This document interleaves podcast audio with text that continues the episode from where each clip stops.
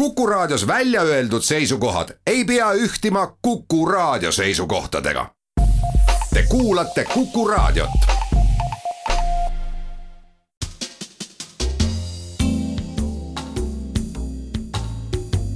tarkade klubi tere taas! kuku raadio Tarkade klubi tervitab häid kuulajaid uue väga targa kuu esimesel laupäeval. uuel ajal, mis septembrist kaks tundi senisest hilisem, ehk nüüd siis juba pärastlõunas, ja muidugi uuel hooajal, mis arvult meie saate uue tulemise üheksas. ja tänane saatenumber, olgu siis ka öeldud, see on nelisada seitseteist. see keskmisest tihedamalt epiteedi uus kasutamine on täna mõistagi põhjendatud, nagu ka see, et me kasutame seda sõna täna kindlasti ka õnnitlemaks armsaid kuulajaid õpetajatest õpilasi, õpetajaid, õppejõude ja nende lähedasi uue saabunud haridusaasta puhul, kuivõrd õppevasse nädalasse jäi ka päikeseline tarkuse päev. Ja ees terendab loodetavasti kontaktne ja teguderohke õppeaasta nagu ikka, sel puhul on ka Tarkade klubi esimesed septembri saated kantud rohkem kooli- ja tudengipingi tarkusest, vähemasti teemade ja osalejate osas. meil on ütlemata hea meel tervitada sõnaliste astritega stuudios armastatud folkloristi, Tallinna Ülikooli õppejõudu, vanemteadurit ja kõigi muude tunnustuste hulgas ka Rukkiräägu kultuuriauhinna kavaleri Marju Kõivapuud. tere! Marju paarilisena aga täna tervitame rohkem õpilase rollis olevat turundusguurut, kõrtsmikku, ajaleheväljaandjat, aga ka Tallinna linnapea kandidaati erakonna Eesti kakssada ridadest Marek Reinaasi tere, tere! läbi Mareki hoiame me üksiti ka kätt jätkuvalt pulsil kohalike omavalitsuste valimistel eelmisel nädalal, kui mäletate, tegid suurepäraselt otsa lahti kandidaadid Reinsalu ja Michal. aga nüüd vastased ja hea meel on üle tüki aja saates tervitada hinnatud aastakümnete pikkuse staažiga pedagoogi ja innukat koduloo uurijat Andres Albere. ja tere! ja nüüd juba sõna otseses mõttes õpilast, Tallinna neljakümne neljanda keskkooli kolmekümne üheksa aasta tagust vilistlast, tänast materjaliteadlast, ajakirjanikku ja polühüsterit Marek Strandbergi tervist! nii tore, et nõnda vahva komplekt on meil täna mängijaid moodustanud ja muidugi sama vahva komplekt ka küsimusi, mille autoriteks on täna Kivimäe kooli ajaloo- ja ühiskonnaõpetuse õpetaja Margus Pillau, Ingliranna patrioot Enno Sivadi, raadiokuulaja Tarmo Niinepuu ja siinkõneleja Timo Tarve. teemad on täna, kuidas teisiti, kui õppeainete nimelised. keemia, maateadus, kehaline kasvatus ehk liikumise tund, muusikaõpetus ja vahetund me alustame ja anname täna avavaliku õiguse teemade osas õppejõud Marju ja kandidaat Mareki võistkonnale. Ma arvan, et me valime kahtlemata Vahetund, sest too oli küll vähemalt mulle kõige meeldivam seal koolis. jaa, ja Vahetunni ajal sai ikka ühte-teist ette võetud ettevõtlike õpilaste poolt. just. Läheme Vahetunniga, Vahetunni on meil sisustanud head kuulajad, alustame Tenno Sivadi küsimusest. kui Prantsusmaa kuningas Francois Esimene külastas aastal tuhat viissada kolmkümmend kolm Toulouse'i, siis kinkis talle linna sümboolse võtme kohalik noor kaunitar Pauline de Vigier. hiljem sai Pauliini hüüdnimi mitmele Prantsuse sõjapurjelaevale ehk fregatile. selle hüüdnime sai ta siis kuningalt, millise nimega kõnetas kuningas Pauliini. lihtsam on vastata ehk isegi eestikeelse tõlkena, igal juhul on see nimi teatud määral sarnane Prantsusmaa üleüldise sümboliga. ka Jürgen Ligi unustamatuid ütlemisi naissoo aadressil võib meie küsimusega siduda ma küll ei saanud aru, mis siin on äh, kuidagi vahetunniga seotud, aga proovime nüüd mõistatama hakata. Prantsusmaa sümbolid, kuueteistkümnes sajand, Toulouse. Ja ühesõnaga äh, Preili Pauliin läks viis võtmekuningale ja kuningas pani talle selle peale hüüdnime no kui siin tuli jutuks, kuidas, milliseid võrratuid komplimente on Jürgen Ligi teinud oma naiskolleegidele Riigikogus, siis mul on tõsiselt kahju, et, et ma olen nendest ilma jäänud. aga meelde on mul jäänud igal juhul ilusad silmad suu kohal ja midagi niisugust analoogset, et kas me peaksime vaatama siis või mõtlema selles suunas, et kuidas see kõik on seotud Prantsusmaaga ja mille järgi me Prantsusmaad tunneme, no tavaline inimene teadagi tunneb seda ju konna järele. Ja selle järele, et konn on maitsev, aga ma arvan, et see teema enamus Prantsuse välja. laevu ongi nimetatud ju konn. Äh, ma otsin siiski kogu aeg seost selle vahetunniga, et kui ma proovin nagu ette kujutada kõigepealt Preilit võtmega, siis Jürgen Ligit äh, ja, ja, ja Prantsuse kuningat, äh, seda daami kommenteerimas, ütleme, mida me vahetundidel teeme, lobiseme, eks ole. Mm, -hmm lippame ringi, oleme liiga aktiivsed, et kas Jürgen Ligi ei ole kunagi midagi sellist äh, öelnud, et daamid näiteks räägivad liiga palju? Seda kindlasti, eks nad seda ka teevad, muidugi me oleme ka ilmselt ainult, mitte ainult Eesti rahvas, võib-olla ka muud huvilised on ka näinud, kuidas Jürgen Ligi lippab ringi vahetunni ajal, aga see ilmselt ei ole see küsimus. aga tõsi ta on, et ega minul ka peale ilusate silmade suu kohal ei tule mitte midagi muud meelde, sest äh, ütleme, laevadest ma ei tea midagi ja ja see sümboolne võti, jah, nii.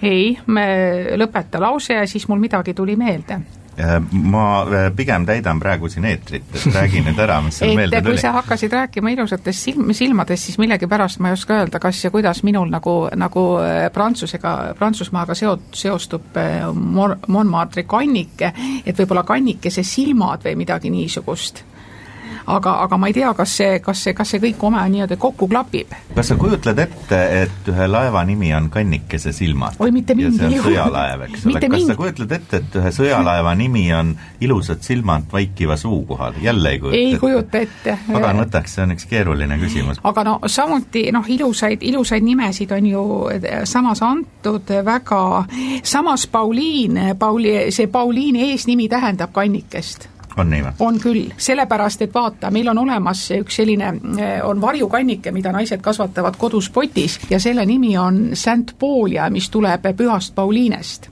aga see on Aafrika varju, varjutaim ja, ja teda tuntakse ka natukene et, et mina näen, et, et ütleme, see silm, kannikese silmad, St Paulia, eks ole, mis on eestipäraselt, muidugi kujutad ette, sa paned naisele nimeks St Paulia, püha jumal! Esimesel võimalusel vahetaks nime välja, aga ma ei oska siit, ütleme niimoodi, et minu, minu seos eh, Jürgen Ligi silmad, Pauliine, see kui kannike, aga ma ei tea, kas, kas, kas, kas Montmartre'i kannike aga, aga samas fregati nimi, no ei ma ei tea äh,. ma arvan, et äh, ega siin ei jää mitte midagi muud Sina üle, kui proovida äh, see vastus sõnastada sellisel moel, et äh, Prantsuse kuningas pani laevale väga romantilise nime, mis Eestisse ümber tõlgituna võiks olla Äh, kannikese sinised silmad või vähemalt midagi seotud silmade kannikesega ja võib-olla isegi kramplikult kinni hoidva suuga nende all. silm või jah, see, kas ta nüüd ilus on, puhkas selle vastuse peale, punkti see kahjuks ei too. Ja kuulame Marekit ja Andrest no,. no ja millal hinne, millal hinne ilu on hinnatud Prantsuse sõjalaevade nimesid äh, võiksin ma nimetada nii, nii mõnegi, aga ühtegi naise nime kohe esimese hooviga küll välja ei tule aga ma mõtlesin naise nimede peale, prantsuspäraste naise nimede, mis kuidagi võiksid veega või, või merega seotud olla. Sabine, Tiido, Cassandra, Delphine, Brigitte, Francois, Corinne, et cetera vaevalt, et ta muidugi kuningast tuli, ütles, et äh, näe, näe. Sinu nimi saagu olema ei, mingi teener ütles, et või kes iganes, näe, siin on Pauliin. Aa! Ja siis ta nimetas kõik need teised nimed, see kostub kuidagi ebatõenäolisena, isegi Prantsuse kuninga poolt, mulle tundub. Aga kui sa juba suutsid meenutada mõningaid Prantsuse sõjalaevu, siis äkki vuristad neidki samamoodi ette nagu Prantsuse naise nimesid? oota, aga püüaks veel ikkagi sellest äh, sõnast kannike, kas me oleme õigel rajal, kui me üldse lillel nimetame? see on nagu pokkerimägu nagu Reinaski, ta ei ütle mitte midagi, sealt silmast ei loe midagi välja, ta on nii kogenud, see Timo meil siin ja kas või pool silpigi. kuidas see kannika võiks ladina keeles kõlada? viissada aastat tagasi kõik kuningad natuke tönkasid ladina keelt, see tuli neil varrukast. jaa, no mida on Jürgen Ligi naiste kohta öelnud? ei hakka kordama. ei, mõtleme noh, et äh, pigem seesama, mis siit ka läbi, et äh, võib-olla tuli, andis võtme ja ei öelnud midagi. ja siis ta ütles, et mis, mis sa siin vaikid, va veel üks kombinatsioon, võti on prantsuse keeles la clé ja, ja jumalanna nimi on Cleio, kui sellest võtmest lähtuda, mitte kannikesest. aga kuidas võiks kannikene kõlada, see on perekonnanimi, millisesse perekonda kuuluvad kannikesed? ei ole Primula, ta ei ole Kalendula. Primula, ka, ka, ka Kalendula on, Kalendula on ma võin aidata, esimene september ja ikka õpetajad assisteerivad ja assisteeritakse ka õpetajaid, Viola. noh, Viola. muidugi selle peale oleks võinud tulla. oh sa mu Viola tõid mulle võtmekese, pange nüüd purjelaevadele samad kannik, eks ole. Violett on kannikese karva või kannikese ja, värvi. ülekantud tähendus. ja see on, see on tegelikult, on see piisavalt levinud äh, eesnimi Indoeuroopa keeltes. aga mida võiks olla Jürgen Ligi öelnud naiste kohta, mis on seotud, ta vist ei ole kordagi öelnud, oh sa mu kullakannike, et sa siin niimoodi vaikid ilusate silmadega suletud suukohal. no vot, ta on öelnud selle ühe mingisuguse muu poliitlooma kohta, et ta on roosast erakonnast, aga too ei olnud naine hmm.. kas meie erakondlik maastik on siis nüüd lõplikult nii-öelda märgistatud värvidega või? ei, ma ei usu, aga ma arvan, et me paneme praegu täiesti, täiesti metsa omadega. Ja ma arvan, et isegi selle vioolaga me oleme ilmselt täiesti kõiki naisterahva eesnimesid läbi ekseldada. nimeta Prantsuse sõjalaevu nime järgi mul tuleb kohe mereröövli nimi tuleb meelde. kuidas ma selle peale tulin, ma ei mäleta enam no.. Jean Bar, kirjapilt on Bart väga peega. kõik te mäletate Musketäri lugudest, mäletate minister Colbert'i vot Colbert on ka vähemalt neljal-viiel laeval olnud, vana läheb, laguneb ära, ehitatakse uus jälle Colbert noh, laeva nimeks Viola sõjalaev ka kostub nagu fregatid on niisugused suhteliselt väiksed no vot, ega see on niisugune paras selline noh, selleks peab olema ikkagi ütleme, kultuurist niimoodi läbi imbunud, et äh, tõused püsti, siis on luuletuse read taga. meie vist seda praegu ei ole. kuidas on silm prantsuse keeles?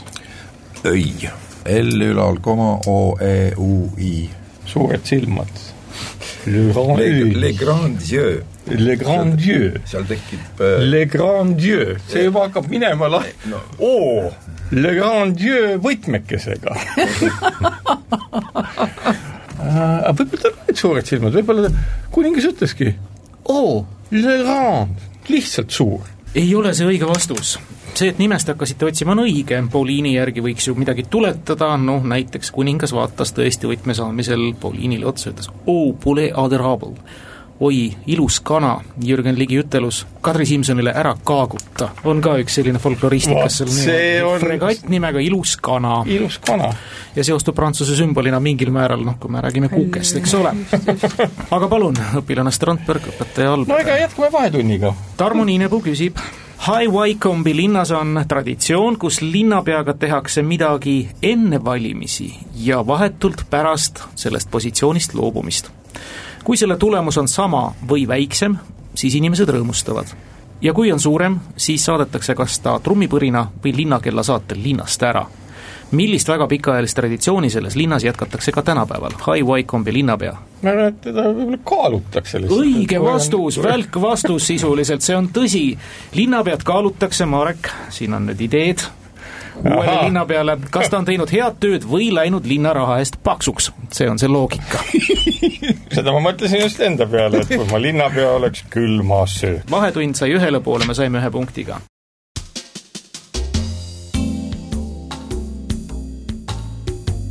Tarkade klubi.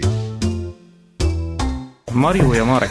mida lugupeetud õpilane Marek soovib valida? no võtame maateaduse, geograafia. sina teaksid, kui küsimus tuleb Lõuna-Eestist, siis äh, sina Nad ei küsi selle eest, ma võin esitada ei, selle laulu, et täpselt linnapeale küsimus muide, linnapea oh. kandidaadile. see on, mina võib-olla laulan selle laulu, et maateadus mulle meeldib just ja värvid punane ja must või ma ei mäleta, kuidas see täpselt oli. ja küsimuse autor palub kindlasti rõhutada, et teemaks on maateadus, mitte mm -hmm. geograafia. kahe aasta pärast saab sajand sellest, kui reokanaliks kujunema hakanud Härjapea jõgi jõgi Tallinnas pealt plaatidega kaeti, veel viisteist aastat hiljem aga maa-alusesse kollektorisse suleti. meie pealinna salajane veetee pole muidugi ainuke omataoline maailma suuremates või väiksemates keskustes. üks niisugune on ka Venemaal, Permis, selle peamise jõe Jagošiha lisajõgi. me küsimegi nüüd mainitud, tänapäevaks kadunud lisajõe nime. Vastav nimi on haritud inimeste poolt kaheksateistkümnenda sajandi teisel poolel antud ja on muuhulgas näiteks ka Karl Ristikivi loomingus esindatud poeesiakogumikus Inimese teekond, tsüklis Horse Fierdan, luuletuse Fantaasia G-moll viimase üheksanda osa lõpuridades. Permi kesklinna poolt mineja jõudis küsitavat ületades objektile, mille taoline muuseas samuti härjapea kunagise voolusängi keskjooksul olemas on. me ei küsiks, kui te seda nimetust ei teaks. ja, ja. E, härjapea keskjooksul, oota, mis meil siin on olnud, eks ole, ta tuleb siit alla, ta on käivitanud arvukalt paberi või tähendab, ta on hoidnud elus, eks ole, paberivabrikuid, ta on, on siin, kui vaadata neid, neid vanu pilte, siis ta ju, ühesõnaga teekonda ma iseenesest tean ma arvan, et otsime, äh, ega me seal, mina ei ole isiklikult Permis käinud, ma ei tea, mis äh, seal jõe nimi võiks olla. prooviks nagu leida siiski üles selle asja, mis seal Härjapea, keset Härjapea jõge oli, ma arvan, et see peaks ju enam-vähem seal asuma, kus praegu Kannikese pood on, on jälle, jälle Kannikesed jälle Kannikesed, eks ole, aga ärme lase segada ennast. aga seal asus klooster. just, seal seda... asus enne seda klooster. kas kas me otsiksime siis, kuidas see klooster oli öeldud? see on Pühtitsa, Pühtitsa, Pühtitsa nii-öelda abikirik või abiklooster, klooster, eks ole, ta kopeeris seda Pühtitsa või Kuremäe kloostrit, see mm, hoone, mis eh, siis oli veel viiekümnendatel püsti ja ära lammutati, Pühtitsa, ehk siis meie teame nii-öelda seda nii-öelda Kuremäe järgi, aga võib-olla kuidagi peaksime otsima sellist ütleme, vene õigeusu traditsioonist. No Perm on vana-vana linn ja mm -hmm. seal on ju äh, kui mu mälu ei peta, seal on Kreml seal keset ja. seda, seal on kindlasti lõputult kirikuid, aga vaatame, äh, selle jõe nimi oli Jagoši. Jagošiha. Jagošiha, et ega sul ei tule nagu pähe, sina ju pooleldi äh, nii-öelda lätlane, pooleldi eestlane no, ja ole. kolmandik veel tont teab kuskohast, et ei, mida see peab... Jagošiha võiks tähendada? Tähendab jah, et, et siit võiks otsida Permi, Perma, Permi, Permid ja Permi komide keelest hakkame otsima, aga me tegelikult otsime selle Jagošiha lisajõge, eks mhm. ole. Marjanässakas. Marjanässakas, jah, jagada. Kure, Kuremäe, Kuremari, Jagošiha, mingi mari, et kas sealt Äh, võib midagi nagu no tulla? sealt äh, ilmselt äh, tuleb kõigepealt Marju, aga siis tuleb Maria. no kaugel see Mareki sealt on? see on Mareki jõgi, ma tean, see on, see, see on meie auks. see, see oli nüüd selge šovinism, eks ole, aga aga Jumalema uinumise, Jumalema uinumise või Maarja päevaga on Pühtitsa kuidagi seotud, sellepärast et nemad tähistavad õigeusu kombe kohaselt, on see Jumalema uinumise päev augusti lõpus, eks ole, või Jumalema taeva võtmise päev ja Mariaga on ta ühel või teisel viisil kindlasti vähemalt, kui ma võtan Pühtitsa ette, siis sellega on ta seotud. Kuremäe on see koha nimi, eh, Kurgon, eks ole, vene keeles me teame mitte, no ma ei tahaks nüüd otse öelda, et Bieljaist, aga peaaegu peaaegu aga ikkagi see klooster Maria Pühtitsa ma, ma korra küsin, ega seda mingit risti, see ristikivi läks mul täiesti kõrvust mööda, seal hakkasid juba mingid B-mollid ja ma ei tea, mis asjad kõlama. poesia kogumik Inimese teekond, seal on üks selline tsükkel sees, mille nimi on Horsfjärdan ja luuletusfantaasia G-moll, tema viimane üheksas osa, lõpuread. kas sinna võiks see, see Kuremäe sobida nüüd kuidagi, võiks ju peaaegu no, küll, idee järgi võiks, jah idee tasandil ju Ristikivi oli väga religioosne Just. inimene ja milliseid inimese teekonda ma olen isegi lugenud, häbi küll, eks ole, isegi ma olen see mitu korda lugenud, kui proovida nüüd imiteerida siin tuntud näitlejaid, aga Pühtitsa, Maria, eh, ole, ja ma, ma ikkagi teen nüüd seda, et, et, et paluks korraks küsimust korrata veel. nii, siis me räägime Jagošiha lisajõest, mis on sarnaselt siis Härjapea jõega kollektoritesse suletud ja me küsime selle lisajõe nime, vastav nimi on haritud inimeste poolt kaheksateistkümnenda sajandi teisel poolel antud ja muuhulgas ka näiteks Karl Ristikivi loomingus esindatud, meie poolt nimetatud siis kogumikus, luuletuses üheksanda osa lõpuridades. Permi kesklinna poolt mineja jõudis küsitavat ületades objektile, mille taoline muuseas samuti härjapea kunagise voolusängi keskjooksul olemas on. ta jõudis järelikult ikkagi ühe sõnaga kloostrisse, kloostrisse Äh, ja, ja see, äh, mis mind nagu kõrva riivas, kas ma sain õieti aru, et see lisajõgi sai üldse nime alles äh, kaheksateistkümnendal sajandil, ehk siis tal enne seda polnudki teisel, teisel poolel. mis võis juhtuda seal kaheksateistkümnenda sajandi teisel poolel aga haritud inimestega, kes läksid ole, kloostrisse? aga kas see ei võigi olla näiteks mingi monastõrskaja või midagi ei, seda ma ei öelnud, seda ütlesid sina. aga ja kas teie võtsite Toropova toast need kolm rubiini kui jätkata nüüd selles stiilis. kas järsku me ei venitaks siit välja hoopiski näiteks mingit Monastõrskajat või, või midagi niisugust? et see kõlab nagu selles no, mõttes Ristikivi ja mingi Monastõrskaja, kloostri tee. minagi olin Arkaadia teel, kuigi ma sündisin saunas. Mõnikord mõtlen, et läheksin veel Marssali kepike paunas. kuule, aga me peame ikkagi midagi nüüd ära vastama, et äh, see oli jälle selline nii paljudest klotsidest koosnev äh, Ehitis. ehitis, äh, mis ja need Ja- klotsid ja- ei lähe omavahel kuidagi kokku Need ei ja haagi, need ei mätsi, nagu ei noored mätsi, ütlevad ja, ja vastasvõistkond sai nii palju toredaid vihjeid, Me mida edasi arendada. me juba oleme valmis ise ristikivi moodi luuletusi kirjutama.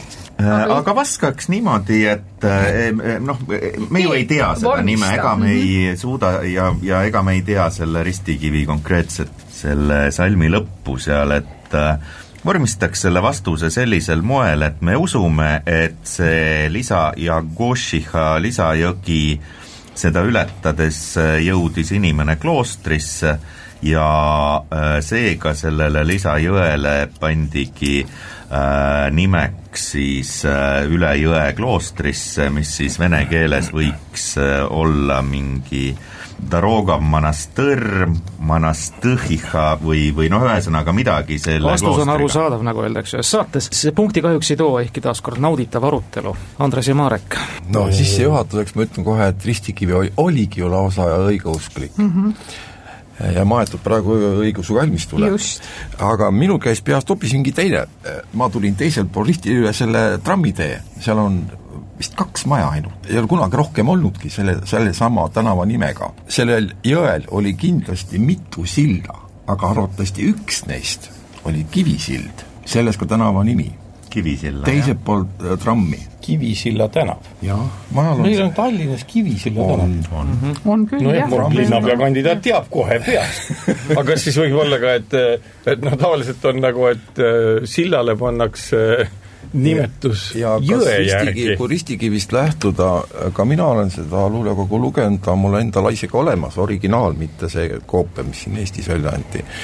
ja iseenesestmõistetavalt ma kujutan ette, et Ristikivi pildus sinna suvalisi Stockholmi toponüüme, aga selleks peab väga hästi tundma erinevaid linnaosasid, mitte ainult südalinna, eks ole kas selles viimases värsis võiks veel kord sees olla kuidagi mingisugune vihje Kivisillale? ei ole, ei, ole, ole. kahjuks. Ja nüüd me otsisime natukene valest kohast, me oleks pidanud minema rohkem-rohkem Ülemiste poole. seal Härjapea keskjooksul asus muidugi ja asub siiamaani muide siselinna kalmistu ja endisaegne katoliku rahupaik ehk Poolamägi Härjapea ääres. Antiikmütoloogias surnud riik ehk Styx ehk Styx on see koks, mida me tahtsime teada. Mm -hmm. ja see on ka Jagošiha jõe lisanimi, lisajõe nimi Styx. kõik me seisame kord päris üksi, kui paadimees meid sõuab üles tüksi. ja Permi linnas on selline toponüüm olemas. nii, See on see siis peab ja luuletus, toponüüm. ja luuletus tuli ka muidugi meelde. nii, Andres ja Marek, teie valik. see geograafia tundub olevat ikka päris keeruline. aga võtame aga, võtaks keemia, no võtame keemia, selles Nii. mõttes, et keemia küsimus on jälle taas selline, et äh, mina seda ära ei vasta, aga noh, see on nii tavaline, keemik, füüsik, materjaliteadlane. keemia, esimene küsimus. täpsemalt on järgnev küsimus füüsikalise keemia valdkonnast, ent alustame piiblist. Need on ju seotud, see on üks ja seesama, nagu me pane teame. tähele, pane tähele, Matteuse evangeeliumi neljateistkümnenda peatüki salmides kakskümmend kaks kuni kolmkümmend kolm ja Markuse evangeeliumi kuuenda peatüki salmides nelikümmend viis kuni viiskümmend kaks on ilmekalt kirjeldatud midagi, mis Newtoni viskoossusseadusega kooskõlas ei ole. mida nimelt? Nii nagu relatiivsusteooria Newtoni mehaanikaseaduseid tugevasti revideerinud on ja need avaramasse konteksti asetanud, nii on tänapäeval ka mainitud sajandite vanuse viskoossusseaduse kõrval kindlaks tehtud, et antud senistes postulaatides kõne all olevad mõned taolist laadi keemilised ühendid teatud juhtudel ikkagi pühakirja vastavates lõikudes esitatutega sarnaselt käituda võivad, seda täpsemalt kiirusgradiendist sõltuvana, konkreetselt näiteks ketšup või maisitärklise suspensioon see on, kirjeldatakse mitte Newtonlikke vedelikke nii nagu piibliski kirjeldatakse vett kui mittenewtonlikku vedelikku, kui seal peal mõni mees on käinud. kõik õige, saad kohe pikema loenguga sel teemal esineda.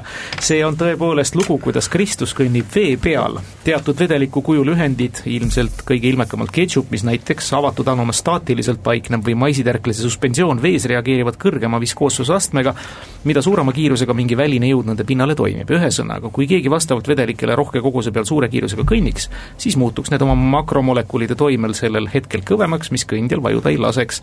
tavalise vee kui väga vähe viskoosse vedeliku puhul see muidugi siiski nii ei kehti, nii et piiblis kirjeldatu jääb selle uskujatele imeks. kas vastas kirjeldus täpselt? vastas kirjeldus täpselt sellele, mida kujutab endast mittenewtonlik vedelik. Marek ja Marju siinpoolt. oi jah üks kindel keemiat me ei võta, aga mulle tundub, et äh, me oleme võimelised aru saama muusika küsimusest. proovime äh, ennast häbistada. Selle tuntud laulu motiiv on tegelikult teada juba slaavi mütoloogiast.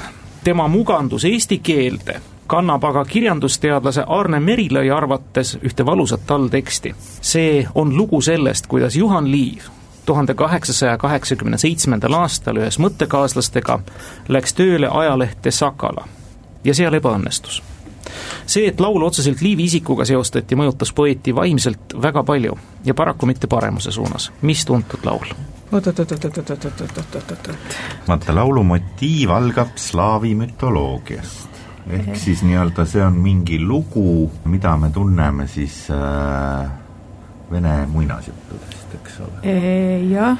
ja siis äh, ma saan aru, et eesti äh, keeles või mugandus eesti keelde siis võiks olla nagu, nagu see, mis juhtus Juhan Liiviga Sakalasse tööle minnes. ja see peab olema laul mis äh, laulud Mida? tulevad meelde, minul esi-, noh Juhan Liivi tekstidele, jah? ei, unustame, ma arvan, selle Juhan Liivi tekstid, et jutt käib sellest, kuidas Juhan Liiv sinna tööle läks, et äh, mulle endale tundub, et see võiks olla midagi sellist, kus kolm tüüpi hakkavad ühest linnast teise minema, proovivad ühest jõest üle saada ja siis, kas nad läksid vist Viljandisse, eks ole? Viisk läks Tartust Viisk läks Tartust Viljandi, ehk siis nad läksid Tartust äh, Sakalasse tööle, ei ja, saanud üle Emajõest ja... ja siis üks lendas Karmauhti ja. või plaksuga katki ja teine Karmauhti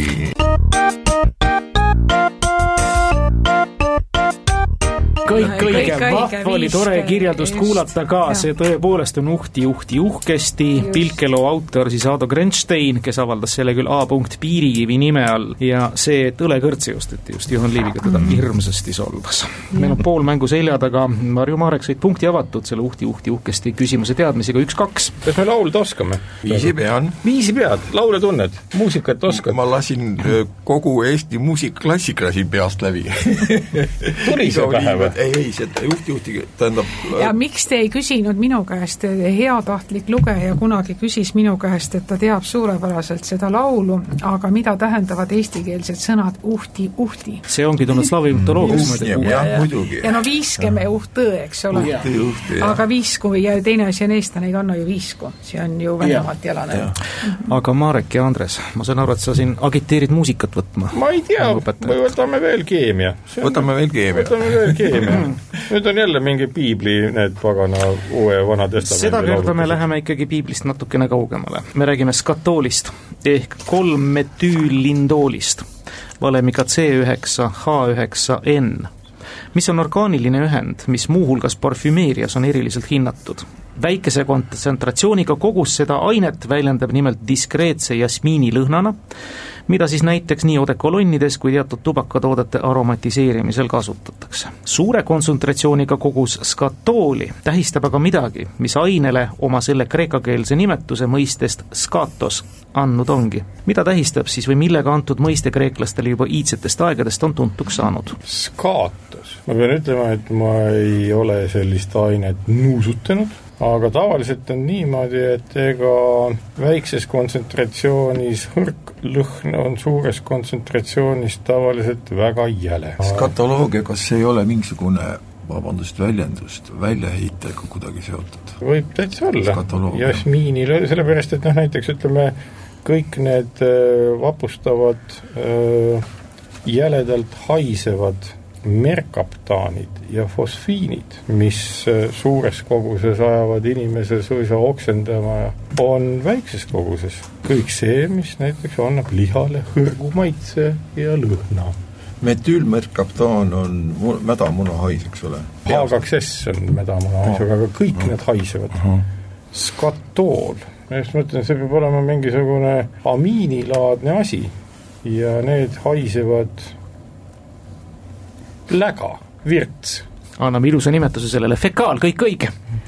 fekaalihais, skatool moodustub imetajate seedest traktis aminohappega nimetusega trüptofaan mikroobse lagunemise teel, lagunemise vaheastmel on indool. kena, kolmas punkt, Marek ja Andres.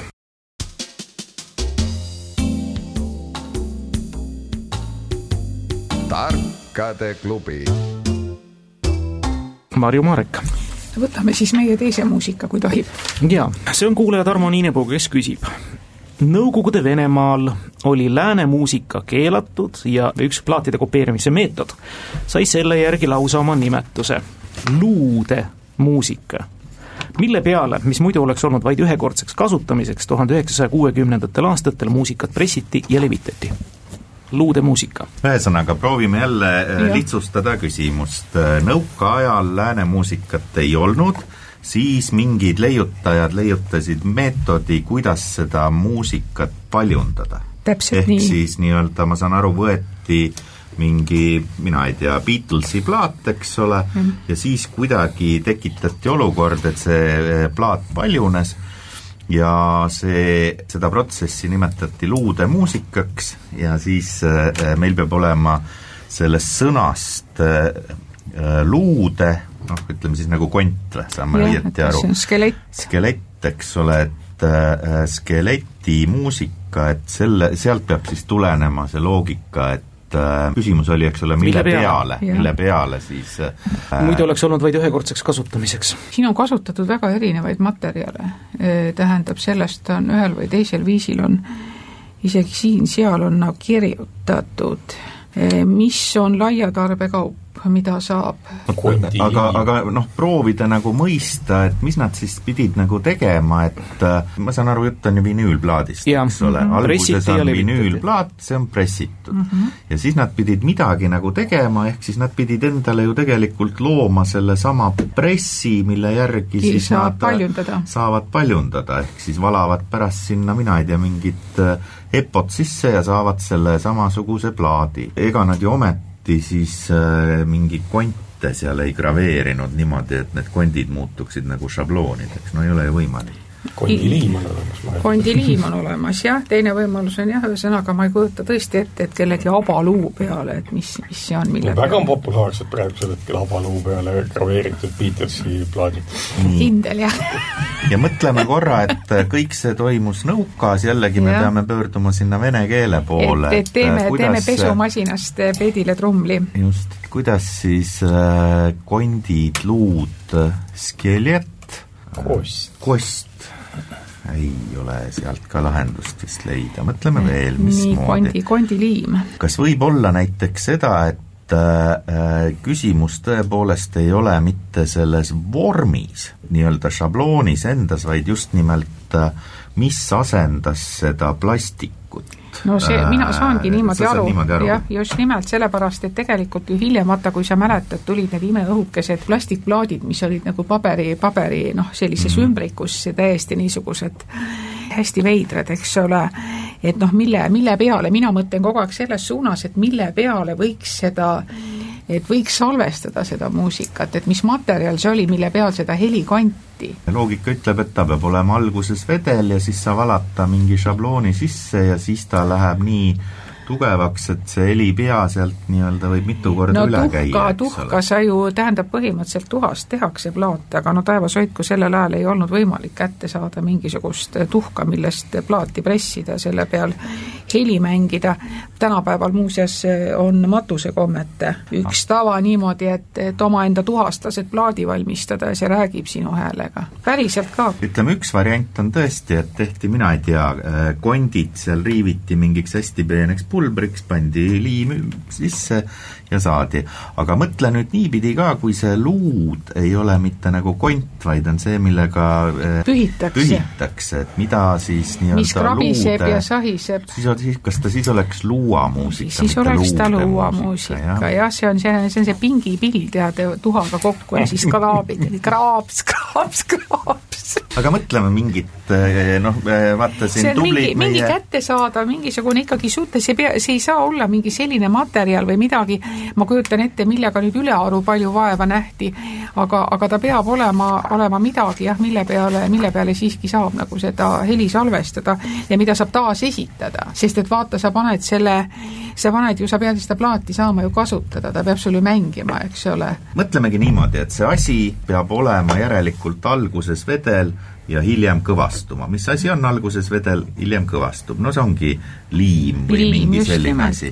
ja noh, kui luud on kondid, noh siis iseenesest meie tublid kolleegid siin küll ütlesid kavalalt kondiliim, Aga aga, kondiliim noh, et, et see võib olla täiesti küll, et olla. lõppude lõpuks on Jah. see ju mingi niisugune ja suhteliselt seda oli, seda oli ka kätte saada, tead, kui sa mujalt ei saa, sa saad kondiliimi šüldi seest. Just, pakuks kondiliimi. kondiliim. ei ole kondiliim kahjuks.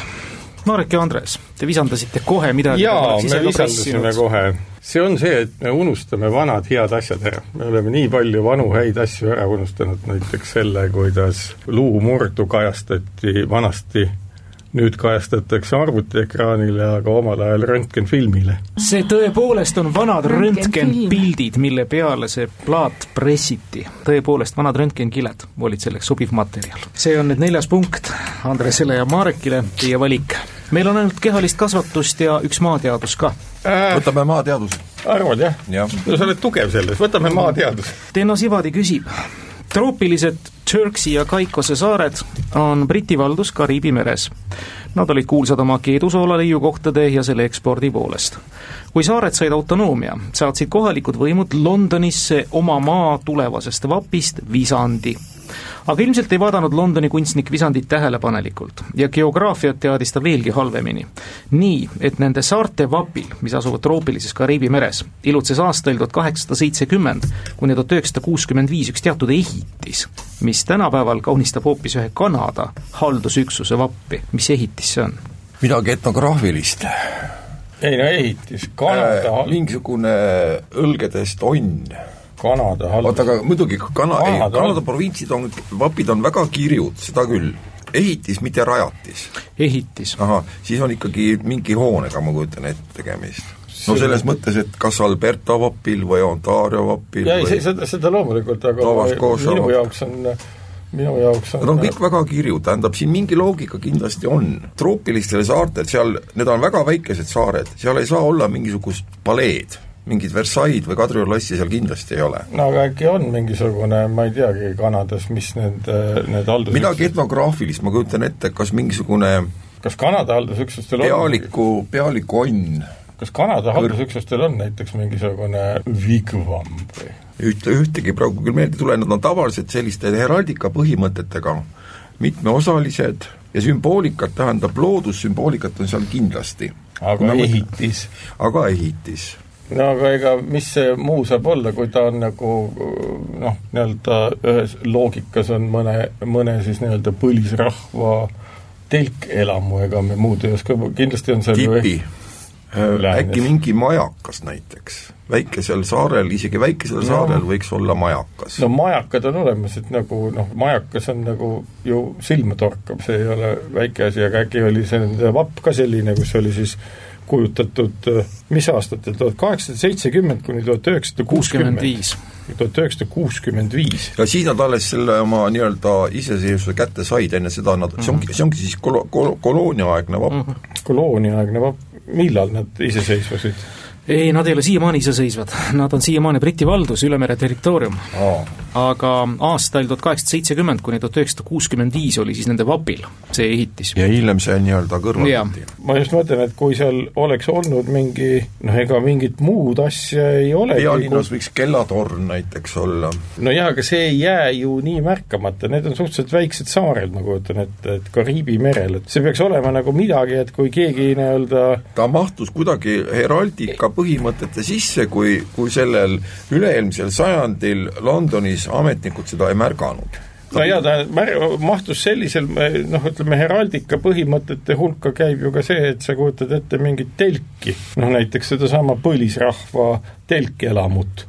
ja siis, kui mingisugune söör seal kusagil õukonnas vaatles, et noh, et nagu mis nad seal ikka, et ju neil seal peab olema mingisugune värk, milles nad elavad, ju nad elavad sellises kirevuses, ega mul muud mingit mõtet ei ole, sellepärast et noh, kõik suured majad ju, mis nii-öelda ka Kanadas, kui Briti alluvuses olevas kohas on olemas, et noh, selle peale, oi, aga see on ju sama, mis meil on siin Torontos ja mis iganes, et ega muud ei oska välja mõelda või oskad veel? telk. ei ole telk mina vaatan, mida sina vahepeal kirjutanud oled ja mida mina kirjutanud olen. ja siis ma hakkasin mõtlema niimoodi, et keedusool ja soolakaevandused, mõnes soolakaevanduses ma isegi olen käinud oma elus sool mingisuguses koguses võib näha, näha väga valge ja ta võib sarnaneda lumega. mulle endale ka tundub, et siin on ju lugu äh, selline, et äh, ühed saared asuvad kaugel lõunas ja teise, teine äh, Kanada on ju väga põhjakant, eks ole, kui nüüd päris põhja minna.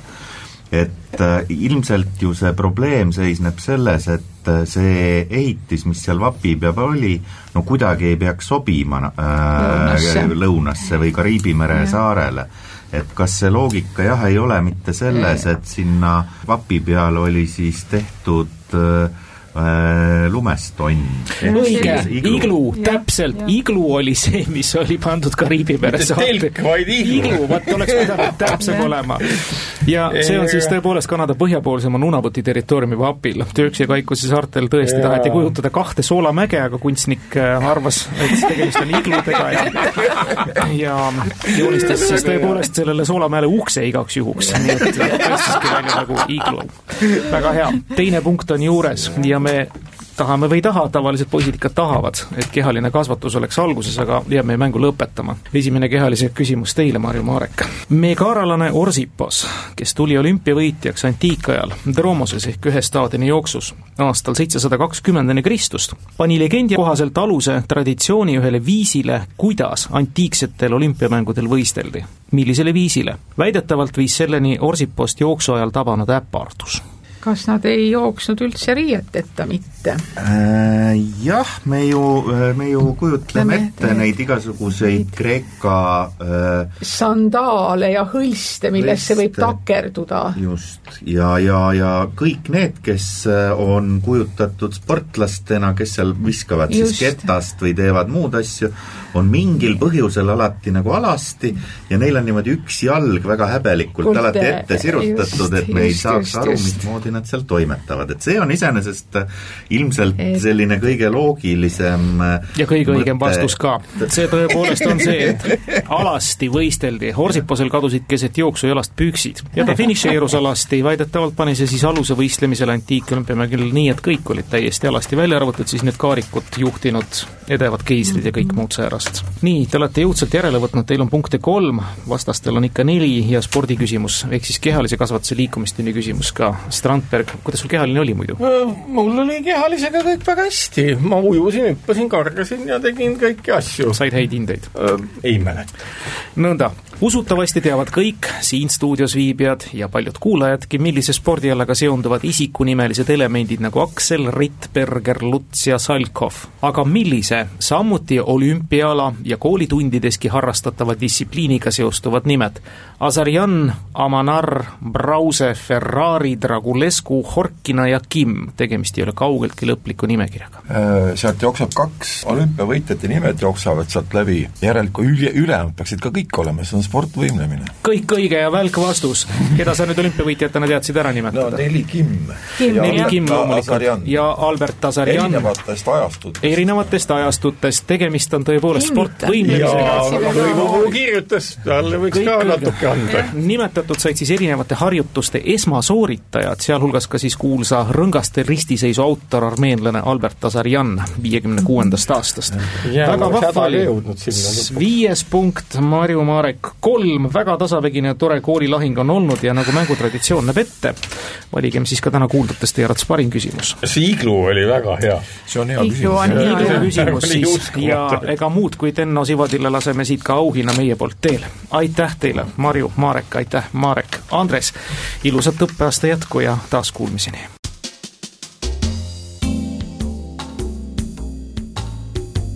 tarkade klubi